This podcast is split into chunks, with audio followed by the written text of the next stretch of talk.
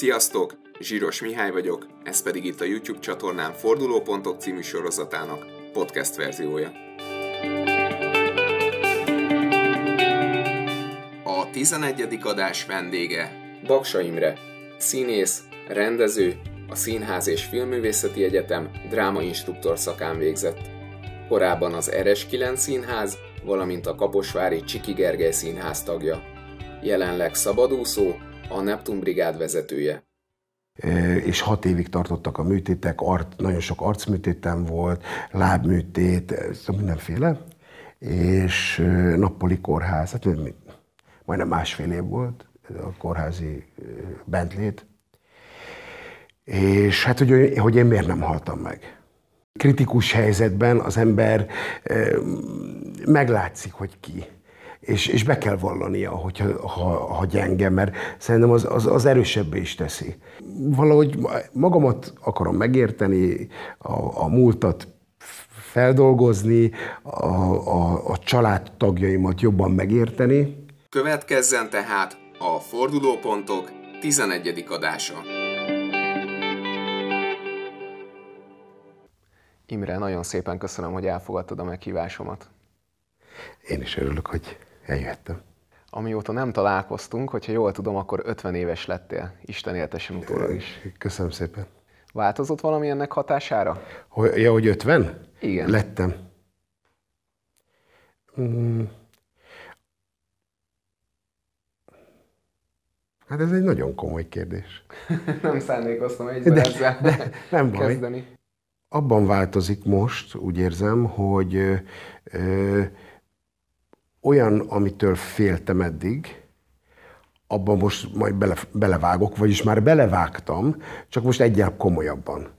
És ez ö, ö, konkrétan az írásról szól, és el is döntöttem egy hete, hogy erre sokkal több energiát fogok fektetni, mint az utóbbi időben, de már egy éve ö, komolyabban foglalkoztatott, kisebb, nagyobb jeleneteket írtam, novellákat, ilyesmiket, és most készülök egy kis regényre. Igaz, hogy már januárban szerettem volna elkezdeni, azért is vállaltam kevesebb munkát, de mivel jött ez a koronavírusos dolog, ezért ö, ö, sajnos ne, nem tudtam ezzel foglalkozni majd gyerekeimmel. Otthon tanulni kellett, ö, feleségem se, szóval ketten bonyolítottuk le, nem tudtunk babysittert se hívni, szüleim se jöhettek át segíteni, tehát így ez egy ne, ne, tehát nem, nem tudtam megvalósítani azt, amire vágytam, de remélem, hogy nyáron már talán valamennyire sikerül ebből valami létrehozni. Amikor legutóbb beszéltünk, ez körülbelül egy ilyen három-négy éve volt, illetve találkoztunk, akkor mondtad, hogy kevesebb munkát vállalsz, kevesebb munkát akarsz vállalni pont azért, mert hogy egyébként szeretnél a családoddal több időt tölteni. Igen. De akkor ezek szerint azért pozitív oldala is volt ennek az időszaknak. Abszolút. Igazából az első hat hét volt, ami, ami feszültségmentesen zajlódott, és az utolsó két hét most nagyon, nagyon, nagyon mindannyiunkon lehetett érezni, hogy feszültek vagyunk a gyerekeimen, a feleségemen rajtam, és már kicsit úgy elég volt a bezártságból. Hogyha jól emlékszem, akkor a feleséged pszichológus. Igen. Ti, ti, nektek ez jelentett segítséget ebben az időszakban? Ezt otthon is tudta valahogy használni, vagy, vagy ez, ez nem téma? Ö, hát azért minden, minden dologhoz egy picit ö, pszichológusként áll, és ö, szerintem igen. Szerintem igen. Tehát, hogy minden dologban azért ez, ez úgy tetten érhető. Mondtad, hogy, hogy az írással döntötted el, hogy szeretnél többet foglalkozni majd most. Ez, ez színdarabokat is jelent, vagy, vagy csak a regényt jelenti? Hát, a, a, a, a nagy terv az, hogy, hogy még színdarabot írjak, ugye már írtam egyet, amit láttál is. És kétszer is. kétszer is, igen. Hát az, az jó lenne. El is kezdtem egyet, elég sok jelenet megvan, de valahogy nem, nem, nem kapott el az a svung, hogy, hogy, hogy tényleg meg tudjam írni. És akkor ezért gondoltam azt, hogy most akkor más műfajhoz is, tehát ez a kis regény, és van egy komoly téma, ami, vagy, vagy egy konkrét téma, picit komoly téma is, hogy, hogy ezt megírjam. Itt beszélgettünk a felvétel előtt a karrierutakról, ezek szerint akkor benned is azért változik folyamatosan. Én azt gondolom, hogy ugyanazt járom körbe, csak máshogy. Tehát a színészet az ugyanúgy marad, valahogy magamat akarom megérteni, a, a múltat feldolgozni, a, a, a családtagjaimat jobban megérteni, mondjuk így az írás által pont egy ilyen, ez egy családtörténet lesz, és ez egy házhoz kapcsolódik, és, de hát a színészet is erről szól, tehát hogy olyan embert is eljátszani, aki egy picit távolabb áll tőlünk, de megtalálni az azonosságokat, és azáltal becserkészni. Tehát ez egy, egy, egy önismeretről szól, meg a, a, körül, a környezetemben lévő emberek családtagok, barátok megismerése, vagy netán extravagáns embereknek a, a, az életének a megismerése. És ezt te csak a színházon keresztül, íráson, színjátszáson keresztül éled, vagy esetleg valamilyen más önismereti módszerrel is foglalkozol? Van egy segítőm ebben, ami ehhez hasonló, uh-huh. és sok mindenben segít, vagy tereli a dolgaimat. Uh-huh. És akkor ez egyébként ilyenkor visszahat az írásra is, az alkotásra is? A, már a segítsége? Igen, igen. Abszolút, persze. Azt átgondolom, és akkor annak fényében. Valamikor nem értek vele egyet, de sok esetben igen, és akkor azt tovább gondolva csinálom. Ennek a sorozatnak, amit most csinálok, azt a címet adtam, hogy fordulópontok. És azért is gondoltam rád, már nagyon régóta ott volt, hogy az Imrét is szeretném meghívni, mert hogy pont ez a darab, amit említettél, amit írtál, és, és volt szerencsém látni, az életed egy meghatározó pontját dolgozza fel. Megosztott, hogy ott mi történt pontosan? Hát ö, ö, igazából több fordulópontját ö, dolgozza föl. A 2016-ban végeztem a Színház és Filmművészeti Egyetem drámainstruktúr színjátékos szakán, és ugye ott kellett írni egy szakdolgozatot. És a szakdolgozat abból állt, hogy a, az volt a koncepcióm, vagy amiből kiindultam, inkább ezt mondom, amiből kiindultam, az, hogy a Huszár Zsolt barátom színész volt, 40 évesen meghalt egy villamos balesetben, biciklivel ment, és elütötte a villamos, meghalt, és én nekem meg 35 évesen, tehát előtte hat évvel volt egy frontális autóbalesetem, ami nagyon hosszan eltartott a műtétek, tehát két hónapig voltam intenzíven, első körben kilenc hónapig voltam kórházban, és hat évig tartottak a műtétek, nagyon sok arcműtétem volt, lábműtét, szóval mindenféle, és nappali kórház, hát majdnem másfél év volt a kórházi bentlét, és hát, hogy, hogy én miért nem haltam meg. Hát ez volt a kiindulási alap. És ez ugye a, a Zsolt, ami nagyon jóba voltunk, együtt kezdtük a független szférában, az RS9 színházban, és ö, ö, az útunk sok helyen találkozott, és a Neptun brigádot a balesetem után együtt alapítottuk meg 2006-ban. 2005-ben volt a baleset, és 2006-ban e, alapítottuk meg, és akkor ott együtt dolgoztunk ugye 5 évig, a haláláig, és ez is benne van a, a szakdolgozatban, hogy ő is játszott közszínházban, én is sokat játszott tudtam, de a, tehát, hogy mindig visszajártunk a függetlenbe, és ez nagyon, nagyon fontos volt. A mai napig nagyon fontos. És erről is írtam, tehát a független színház, a közszínház ellentéte, hasonlósága, és az, hogy elkerülhető egy ilyen baleset vagy nem, mit tanít nekünk ez a baleset, mit nem. Ezután, ahogy ezt leadtam, ezt a szakdolgozatot, eh, a Lábán Kati inspirációjára, aki az RS9 Színház igazgatónője, eh, mondta, hogy hát miért nem írok eh, darabot. És akkor én írni darabot. És akkor elkezdtem írni egy darabot, és akkor ez úgy valahogy így kijött belőlem, ami egy barátságról szól. Persze van benne szerelmi háromszög, mindenféle. Benne van egy, hogy egy ember balesetet szenved, leesik egy sárkányrepülőről, és akkor bekerül a kórházba, kómába esik, és akkor ott ez a sárkányrepülő nem véletlenül sárkányrepülő, mert a sárkányokkal kell megvívnia, amikor kómában van, tehát egy magyar népmese szál is benne van a darabban, most elég bonyolult ez a darab, igen, nem akarom... Innen kapta az eredeti címét is, ugye? A Szerecsend. A, a Szerecsend, igen. Már ott a legvégén az van, hogy születik egy Boldizsár nevezetű fiúcska az egyik barátnak, tehát nem aki a balesetet szenvedte el, hanem a másikoljuk, ő sérült lesz, és egy bibliai témát is rá dolgoztam erre a sok mindenre, tehát ebben a darabban minden van, hogy a, a, a szerecseneket azokat üldözik. És akkor ez egy kicsit így összemostam ezt a idősíkokat. Mi volt az, amit te a rehabilitáció közben tanultál? Mondtad, hogy ezt akartad megírni a rehabilitáció közben, az, hogy, hogy amikor az ember nagyon kiszolgáltatott, akkor, akkor nagyon el, tud, vagy nagyon fontos lesz számára, hogy mennyit bír, vagy nem, inkább rálátása lesz, hogy mennyit bír.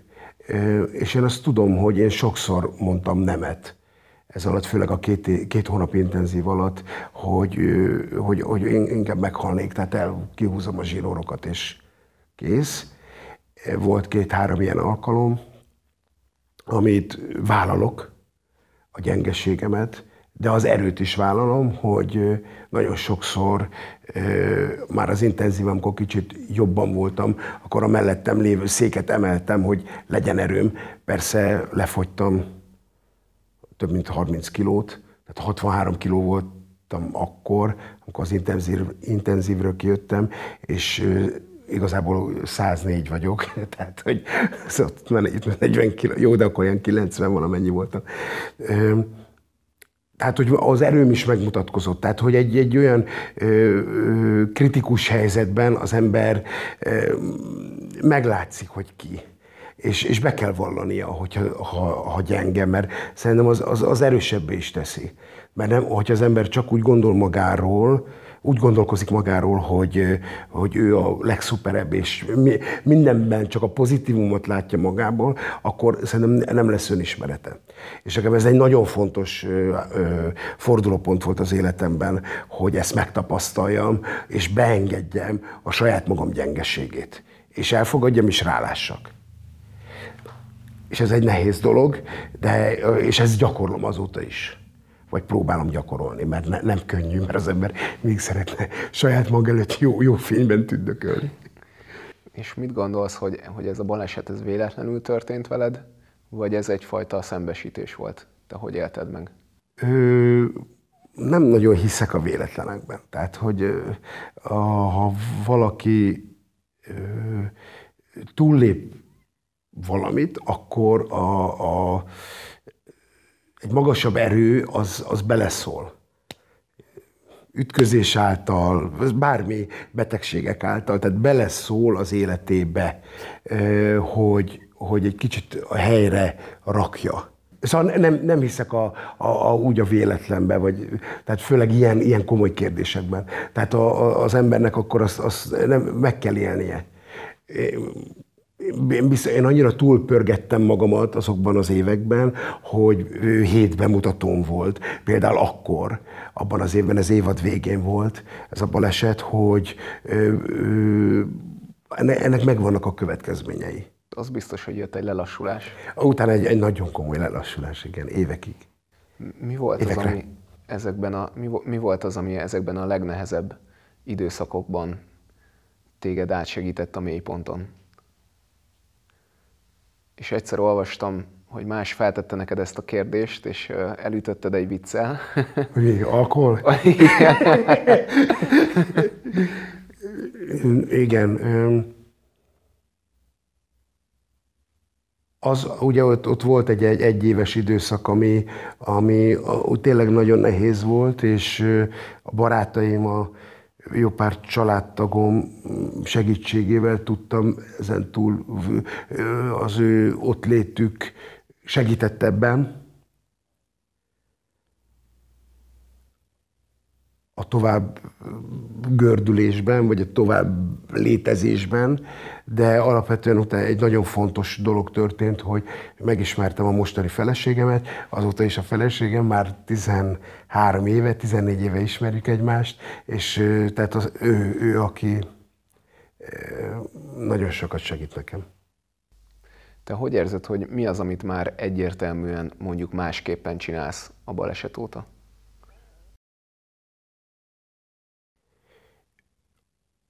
Ez egy lassú folyamat volt, de az idővel való bánásmódot próbálok nem sietni. Ez egy nagyon fontos dolog. Tehát behúzni a, a, a féket, és mindennek úgy megadni a módját. Próbálom, nem mindig sikerül, de például ez.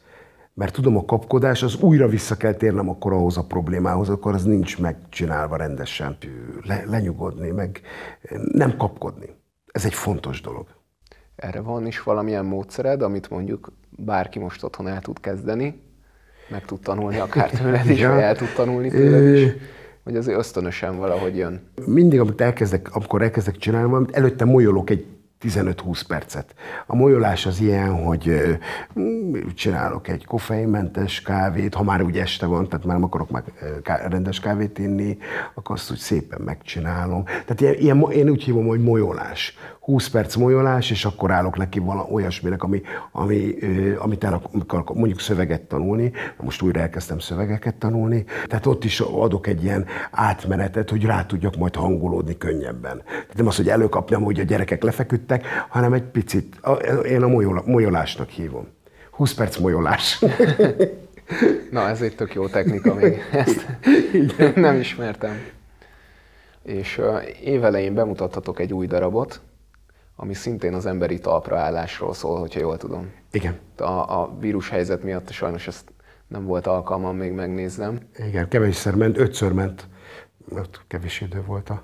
De hogy nekem nagyon sok, vagy több színész ismerősöm mondta, hogy mindig úgy érzi, hogy nem vé, ugyanígy, hogy nincsenek véletlenek, hogy nem véletlen kap meg egy szerepet. Te hogy érzed, hogy ezzel a témával neked még dolgod van, és azért kaptad meg ezt a szerepet újra?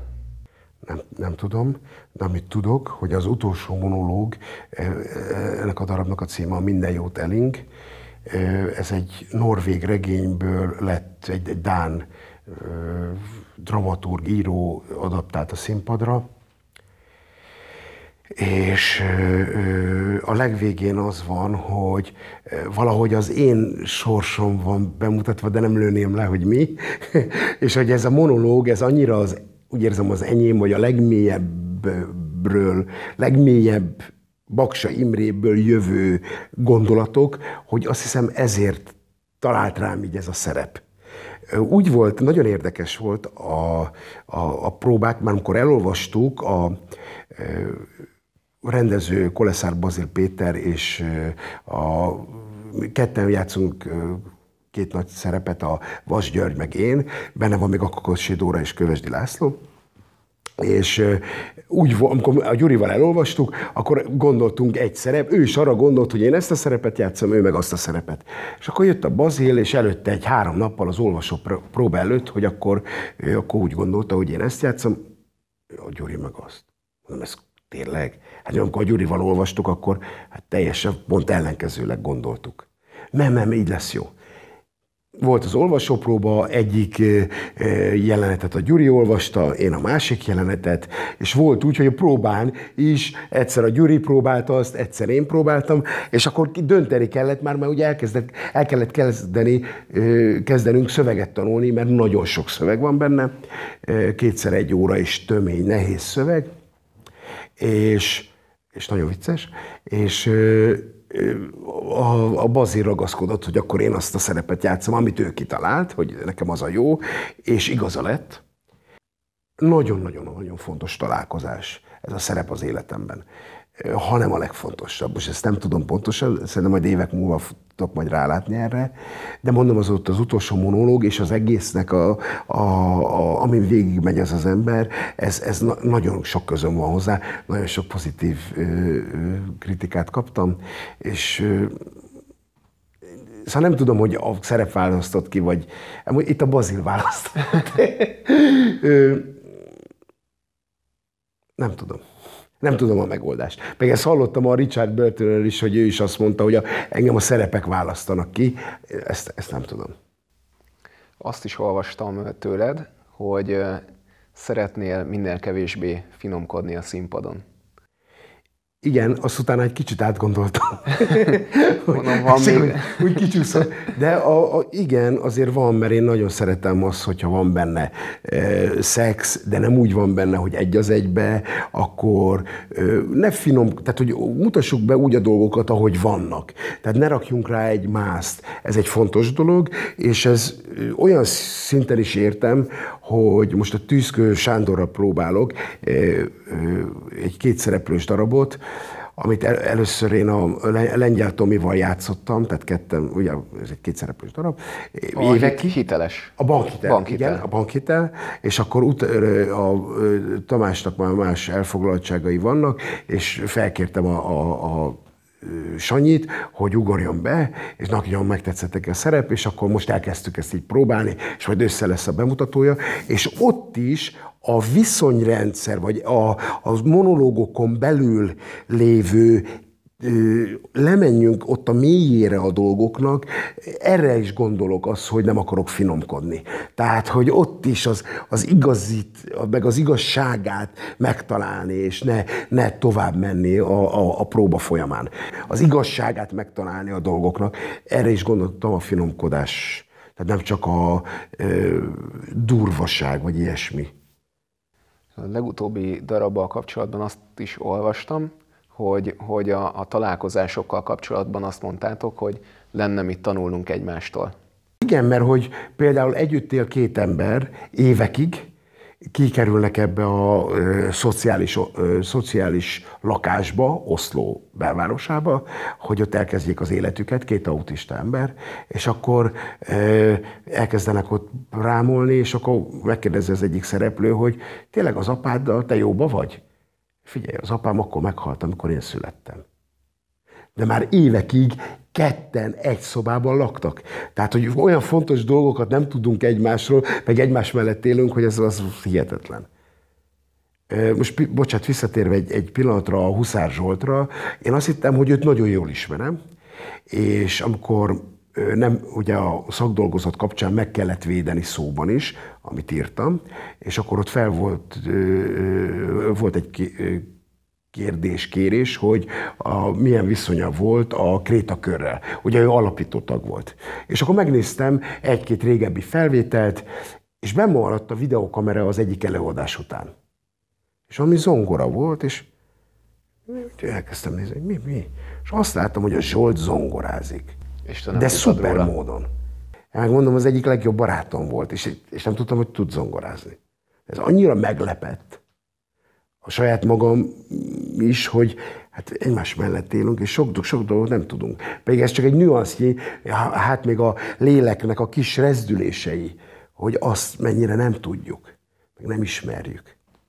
Több ponton is tudnék ehhez csatlakozni, mert hogy valamilyen hasonló szándékkal hoztam létre ezt a videósorozatot, és például amikor kicsit elkezdtem róla mélyebben olvasgatni, illetve hát keresni információkat, hogy minél jobban fel tudjak most készülni, akkor igazából veled nem találtam sehol mélyebb interjút.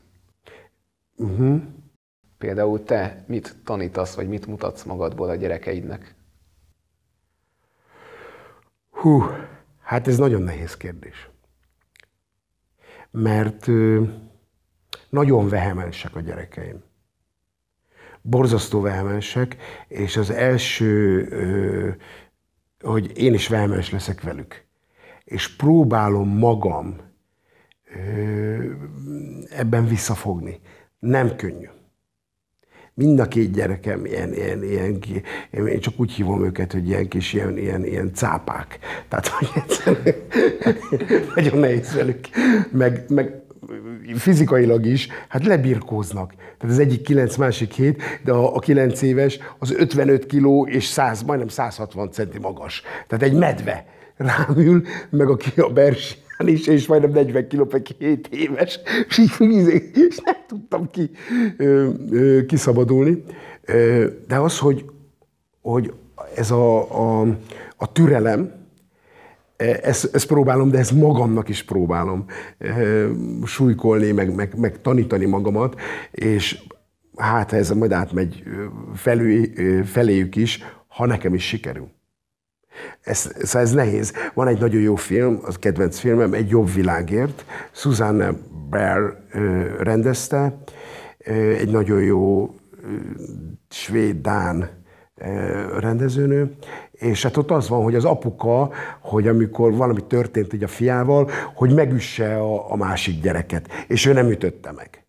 Vagy, vagy az ő apja jött, és megütötte őt, és nem adta vissza. És ez nekem nagyon-nagyon tetszett. De ezt nagyon-nagyon nehéz megcsinálni.